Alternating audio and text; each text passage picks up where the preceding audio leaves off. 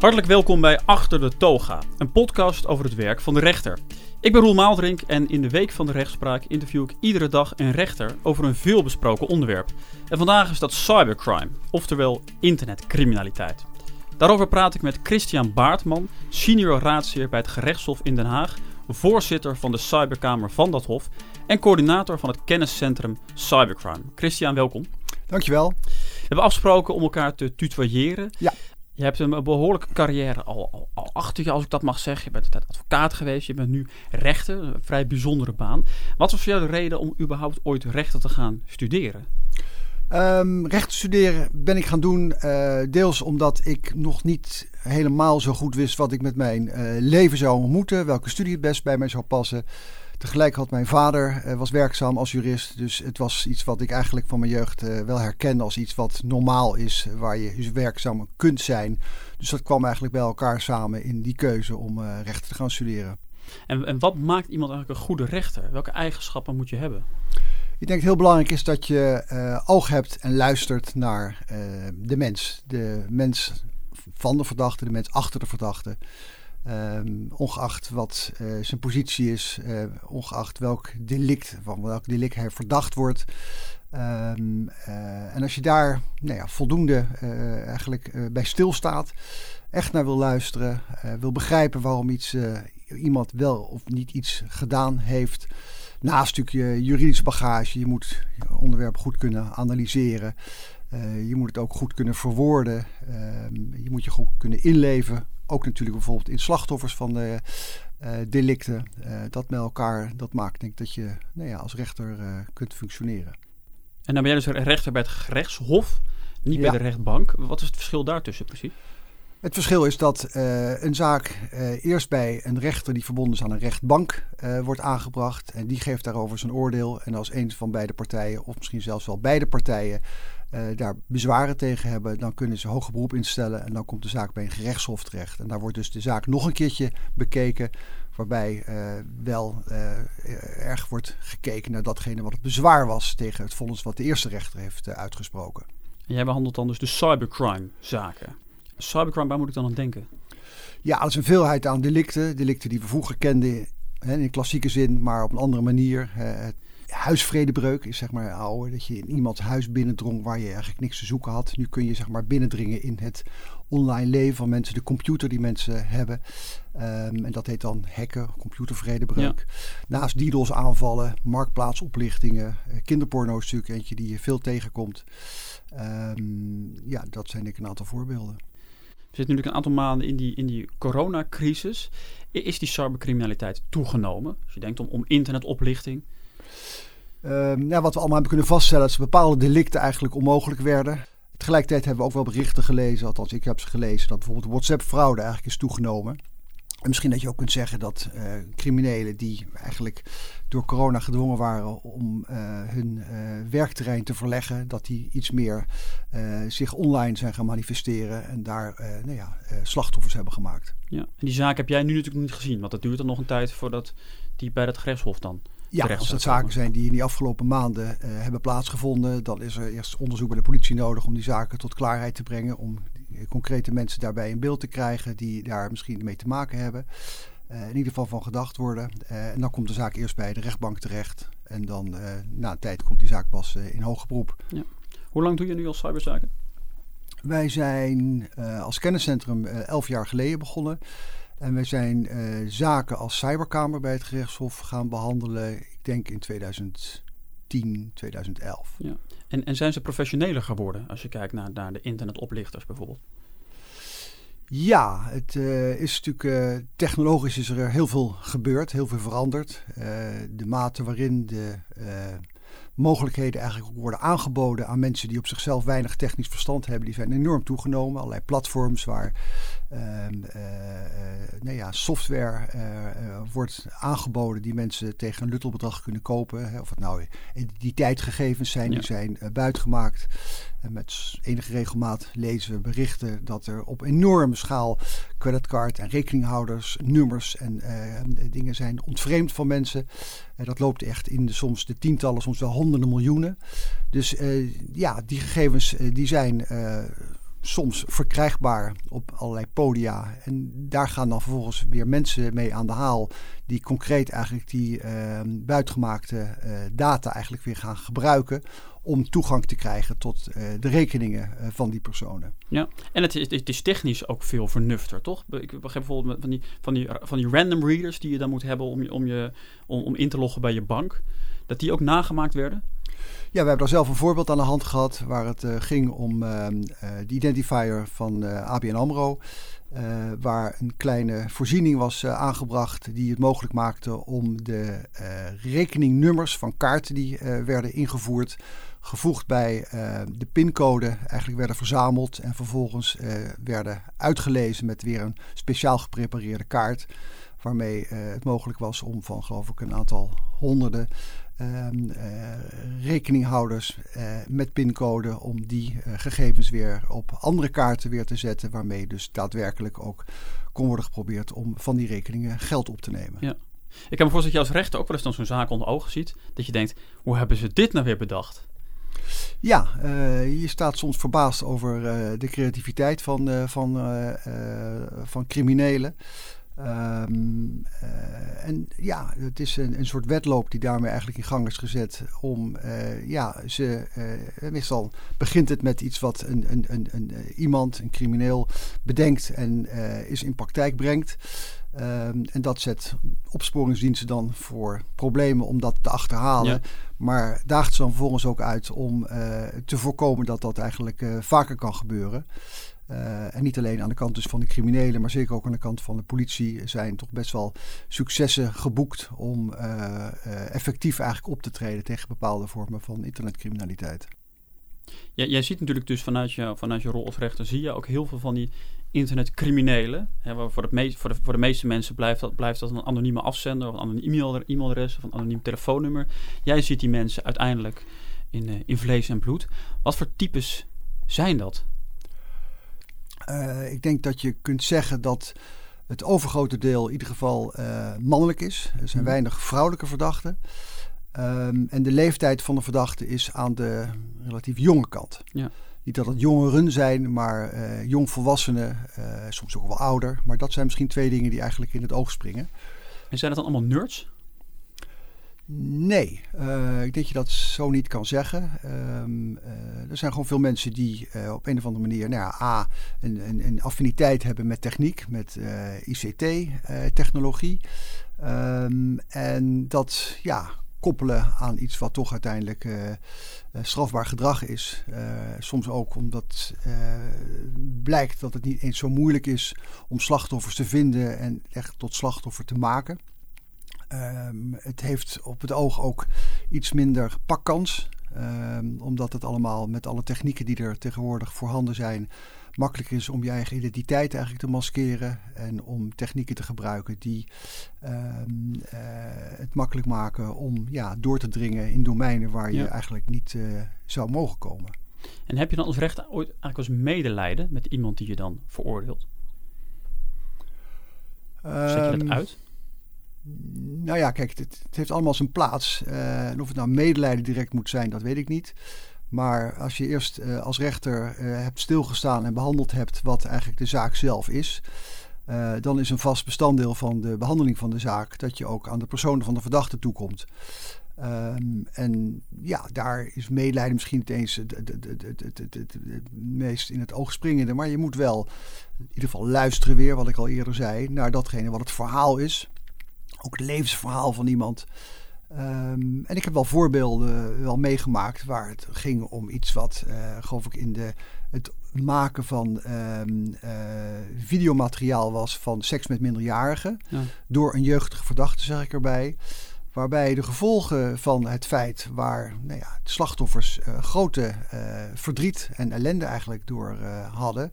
Dat er ook aan de kant van die verdachte iets wat toch je wel als verdriet kunt noemen. In de zin dat hij een opleiding niet kon afronden. Omdat hij door de uitkomst van de strafzaak geen verklaring omtrent zijn gedrag kon krijgen. Daarmee op stageplekken problemen kreeg. Daarmee zijn opleiding niet kon afronden geconfronteerd werd met uh, de gevolgen van zijn handelen, waar hij misschien een spijt over had. Dus dan is misschien meeleven, meelijden wel heel erg zwaar gezegd, maar Het geeft wel aan dat er uh, meer slachtoffers zijn dan alleen maar de echte slachtoffers in de strafzaak. Maar dat het ook erg grote impact heeft op het verdere verloop van degene die als verdachte voor je zit. Ja, en, die, en die, zet je de emotie dan uit? Ik kan me ook voorstellen dat in andere gevallen misschien juist wel boos bent. Ja, emotie is natuurlijk wat ingewikkeld voor een rechter. Ja. Uh, je kan denk ik het beste functioneren als de emotie zoveel mogelijk eigenlijk op de achtergrond blijft. Uh, en dat je op een zakelijke manier met een, uh, een zaak omgaat. Tegelijkertijd moet je ook eerlijk zijn dat die rationele kant niet te ver moet worden overdreven. Want er zit emotie in zaken. En daar moet je wel ja, die moet je begrijpen, die moet je ook willen opzoeken. En als iemand op een zitting uitbarst in iets wat een woede-uitbarsting is, dan is dat iets wat ik zelf in ieder geval niet zo erg vind. Dat moet dan wel weer betijden, dat moet niet te lang blijven hangen. Maar als je die emotie eigenlijk ontkent, dan denk ik dat je ook iets belangrijks uit een zaak weglaat die een goede beoordeling, een goede weging van alles wat jij als rechter belangrijk vindt, eigenlijk in de weg zit. Dus ik vind die emotie eh, die is er. Um, en die moet je ook ergens, als dat uh, een plek krijgt uh, in de behandeling, uh, die plaats laten nemen.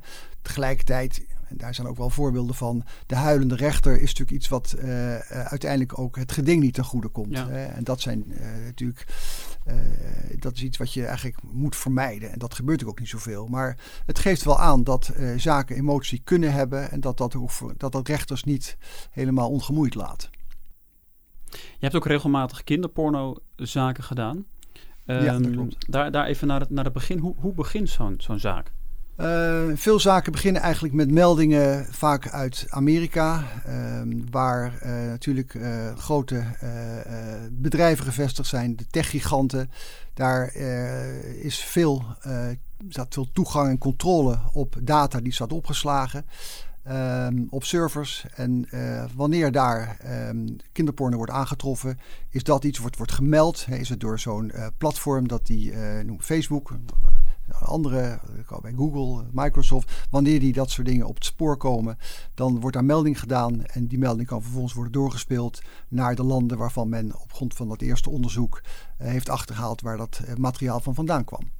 En dan komt iemand uiteindelijk dus nou, voor de rechter. Uiteindelijk komt iemand misschien in hoger beroep voor jou. Wat is dan de, de belangrijkste vraag vaak om dan te beantwoorden?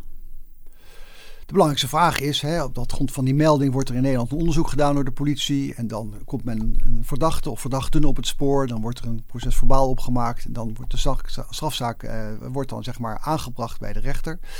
Uiteindelijk is het van belang om, dat, uh, uh, om die, die, die, digitale informatie om die eigenlijk te linken aan een persoon. Want er staat niet een computer terecht, er staat een persoon terecht. En die persoon die staat in een bepaalde relatie tot het, de gegevensdrager waarop die data is aangetroffen. Dus bijvoorbeeld, is, is die kinderporno wel van die persoon of heeft die persoon het wel daadwerkelijk verkregen? Of? Ja, hoe verhoudt die persoon zich tot de, uh, tot de kinderporno die in Amerika is, uh, aan het licht is gekomen? Ja. En, en dat lijkt mij dan als, als, als leek, denk ik, ja, als iemand kinderporno op zijn op zijn laptop of een harde schijf heeft, ja, dat is daar niet zomaar. Nee, maar in het uh, recht werken we niet met uh, uh, waar rook is, is vuur. Dat nee. is soms wel een aanleiding om een onderzoek tegen iemand te starten. Maar een rechter moet ook veel verder gaan. En die moet uiteindelijk kijken wat eigenlijk de hardheid van het bewijs is. Hè? Hoe is het bewijs tot stand gekomen? Is dat op rechtmatige wijze gebeurd? Um, en daarnaast of er inderdaad een relatie tussen de verdachte en die besmette data, als ik het zo mag noemen, kan worden gelegd. Die maakt dat hij in een relatie staat die een strafbaar feit oplevert. Dus als je op een gegevensdrager uh, computer uh, of op een gegevensdrager kinderpornoplaatjes aantreft, dan is dat iets wat, uh, nou, dat roept natuurlijk meteen een heel akelig gevoel op. Mm -hmm. maar dan zul je nog wel hebben vast te stellen of de persoon die dan verdacht, verdacht is van, um, dat, van het bezit van die um, kinderporno-afbeeldingen, of die ook over dat materiaal kon beschikken. Het enkele aantreffen op een gegevensdrager waar hij zich van bedient, is al niet voldoende. Nee. Want dan kan het bijvoorbeeld ook zijn, weet ik veel, ik, ik zou, uh, iemand zou mij een e-mail sturen waar kinderporno in zit. Ik open dat, ik zie de bestand, ik, ik klik het direct weg, maar het staat vervolgens wel op mijn computer. Dat is dan misschien maar één foto, maar zo, in zo'n situatie zou je dus bijvoorbeeld kinderporno kunnen bezitten, zonder dat het dan per se strafbaar is. Ja, het enkele feit dat je dat op zijn gegevensdagen kunt aantreffen. En soms daar software nodig om het aan te treffen. Maar als jij het hebt weggeklikt, uh, ja, dan is de vraag: wist je dan door het wegklikken dat het daarmee niet op je computer bleef staan? Heb je het vervolgens van een, een bepaalde locatie op je computer ook weer verwijderd? Dan heb je er echt uh, blijk van gegeven dat je uh, op langer bezit geen prijs stelde. En dan is het ook uiteindelijk, zeg maar, voor de gemiddelde computergebruiker uit zijn bezit geraakt. Ja. Dus dat is een beetje gek om te zitten, maar dus om te zeggen, maar, maar dus ook bij kinderporno zit het soms genuanceerder ja. dan, dan ik zou denken, dan mensen zou denken. Ja, uh, uh, zo is dat. En dat is iets wat uh, aan de rechter is om uit te leggen waarom uh, het toch genuanceerder is. En dat het feit dat uit een onderzoek uh, de aanwezigheid van uh, kinderpornoplaatjes naar voren is gekomen, dat dat toch niet op zichzelf maakt dat iemand verdacht wordt van het bezit. Of dat hij dader is van het voorhanden hebben, het bezitten van kinderporno. Maar spreek je dan ook wel eens mensen vrij die, die, waar kinderporno is aangetroffen op, op een laptop, op een harde schijf? Ja, als daar uh, uh, reden voor is, gebeurt dat zeker. Het is niet zo dat elke kinderpornoverdachte bij voorbaat uh, schuldig is en een veroordeling tegemoet kan zien. En heb je daar dan een voorbeeld van? Van wanneer dat bijvoorbeeld gebeurde? Wat daar het verhaal was? Um, nou, het kan zijn dat die kinderporno wordt aangetroffen op een gegevensdrager waarbij het zo is dat je niet meer kunt bewijzen, eh, en ook uit het opsporingsonderzoek niet naar voren is gekomen, dat die plaatjes nog steeds toegankelijk waren voor de gebruiker van de kinderporno. Dat zou er misschien op kunnen duiden dat hij op een eerder moment uh, gedurende enige tijd uh, die plaatjes voorhanden heeft gehad, maar die door een handeling ze verwijderd heeft, waarmee die toegankelijkheid eigenlijk is verdwenen. En dan is het dus zo dat je een onvoldoende bewijs hebt voor het bezit van die kinderporno. Ja, toch kan ik me ook voorstellen dat je dan denkt, ja, die persoon heeft, heeft, heeft kinderporno gehad op in de bak ermee. Ja, maar dan zul je toch een, uh, uiteindelijk een telastlegging moeten hebben, een verdenking moeten hebben die daarop is toegesneden. En als die verdenking wat dat betreft verkeerd of ongelukkig is gekozen, dan is toch uh, de uitkomst dat die verdachte zal worden vrijgesproken. Ja. He, wij, het is zo dat uh, het Openbaar Ministerie verantwoordelijk is voor het opstellen van een telastlegging. Die willen een veroordeling van iemand voor een specifiek feit. En als het niet dat feit, maar een ander feit is waar iemand misschien wel voor veroordeeld zou kunnen worden, maar dat wordt hem niet te lastig gelegd ja, dan ben je eigenlijk uh, op een doodspoor, want dat kan niet tot die veroordeling leiden. Ja. Dus je moet soms als rechter wel eens mensen vrijspreken. Um, waarbij on, als, als dingen anders gegaan waren of andere keuzes gemaakt waren door, door het Openbaar Ministerie bijvoorbeeld, iemand wel te kunnen veroordelen. Ja, maar dat is iets wat zich veel breder uitstrekt ja. dan de internetcriminaliteit. Dat geldt voor elk delict. Ja. Uh, als iemand uh, voor moord wordt, uh, van moord wordt verdacht en uiteindelijk de voorbedachte raad kun je niet bewijzen en het zou misschien doodslag kunnen zijn. en dat wordt niet als het ware onder de telastlegging geschoven als een subsidiair feit. Dan zal iemand voor moord worden vrijgesproken als er verder niks anders is waar iemand van verdacht wordt, dan volgt er een vrijspraak. Hoe is dat dan? die doodslag misschien heel uh, goed bewijsbaar zou zijn. Ja. Hoe is dat dan om als rechter dan, dan, dan te moeten vrijspreken? Ja, het is natuurlijk een ongelooflijk. Uh, dat is erg lastig. Uh, ja. dus als je zegt van waar zit die emotie, daar zal ongetwijfeld bij een, een, de rechter en de rechterscombinatie, want dat zijn zware zaken die rechters niet alleen uh, beslissen. dat die ja, het, het, er wel een persoonlijke gevoel bij hebben dat de uitkomst geen recht doet aan het leed wat is aangericht door iemand waaruit het dossier blijkt wie dat eigenlijk is. En ja. die misschien zelfs wel voor je zit. Ja. En ook bijvoorbeeld bij die, bij die kinderpornozaken. Uh, dat zijn natuurlijk, denk ik, als je mensen op straat zou vragen: wat, is de aller, wat zijn de grootste criminelen die er zijn? Dan denk ik dat veel mensen uh, met, met, met kinderporno zouden komen. Uh, jij hebt heel veel mensen gezien ook, die, die uh, kinderporno bezitten, verhandelen, weet ik veel. Wat? Je leest die dossiers. Neem je dat dan mee, mee naar huis? Gaat dat onder je huid zitten? Um, ja, de ene zaak uh, die blijf je langer bij en die maakt een grotere indruk op je. Um, dat is de ene kant. De andere kant is dat je professional bent, en net als een arts of een politieman. Of ja, er zijn allerlei beroepen die je kunt bedenken, die heftige dingen in hun leven meemaken. Mensen die bijvoorbeeld nu in Beirut zijn geweest en misschien mensen onder puinhopen vandaan halen. Uh, dat, of in, in Afrika uh, ja. werk doen waarbij ze met, met, met, met uitgehongerde mensen te maken hebben. Ja, dat zijn ervaringen die je niet snel zult vergeten. Toch heb je daarmee te dealen en uh, wil je in je werk eigenlijk verder kunnen gaan, dan zul je dat ergens um, uh, ja, een plaatje geven. Dat klinkt zo, uh, zo, zo, rationeel. Maar dat moet niet te veel eigenlijk onder die huid komen, wat je eigenlijk belemmert om je werk te blijven doen. Het is zo wel lelijkheid. Het is zo echt natuurlijk de meest donkere kant van de mens. Ja, je moet als strafrechter dus ook wel oppassen dat je een te negatief beeld krijgt over eh, de samenleving waarin wij leven. Uh, het zijn de voorbeelden van zaken waar mensen inderdaad uh, in aanraking komen, althans dat is de verdenking met het strafrecht. Um, en hoeveel mensen daar ook langskomen en hoeveel zaken er ook zijn, het blijft uiteindelijk toch de, ja, in de getallen zijn het, is het bepaald een, een kleine minderheid die zich daar uiteindelijk mee aan bezondigt. En lukt het dan een beetje om toch nog een positieve kijk te houden op, uh, blik te houden op de wereld om ons heen? Ik vind dat niet zo moeilijk, maar dat is misschien een soort persoonlijke instelling. Dat ik uh, ook wel zie dat er zoveel uh, goede dingen in de wereld gebeuren.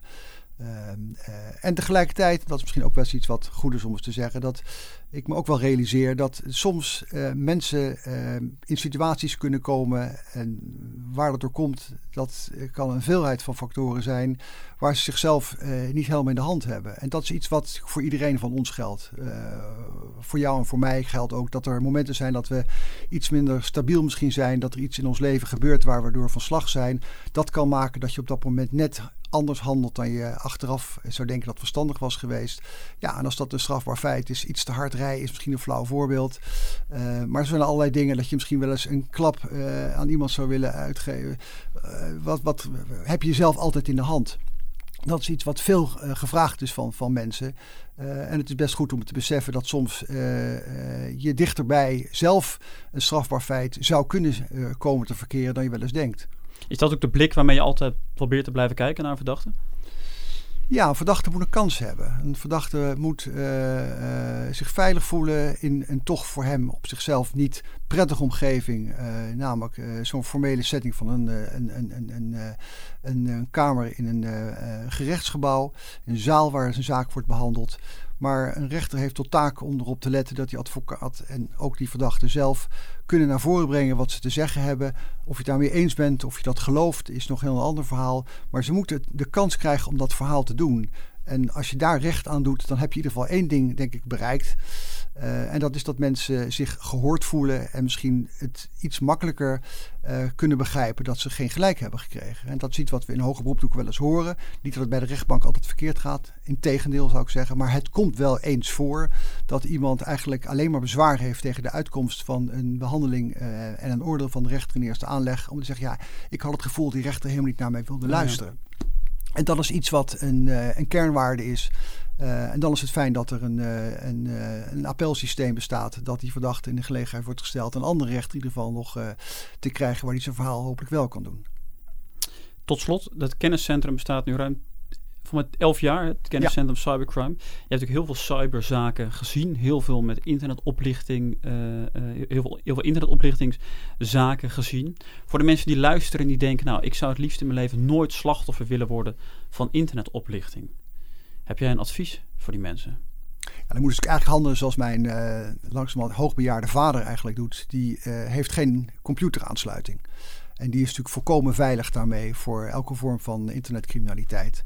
Tegelijkertijd realiseer ik me natuurlijk heel goed dat het uh, leven van deze hoogbejaarde man voor uh, de meeste van ons uh, een onmogelijke opgave is. Want laten we eerlijk wezen, deze hele digitalisering van de samenleving, ja, die kunnen wij eigenlijk niet meer ontkennen. Nee. dus zo kun je niet handelen. En tegelijk, je moet altijd maar voorzichtig blijven en proberen goed te bedenken wat er eigenlijk op je afkomt. En nou ja, daar zullen we misschien allemaal wel eens een keertje uh, een verkeerde uh, beslissing nemen, iets verkeerds doen. Maar uh, nou, dat hoeft ook niet meteen verkeerd uit te pakken. Nee, het hoort er een beetje bij. Als je de voordelen wil plukken van het online leven. Dan... Ja, het zijn twee kanten van een en dezelfde medaille. Ja. Christian Baartman, dankjewel. Graag gedaan.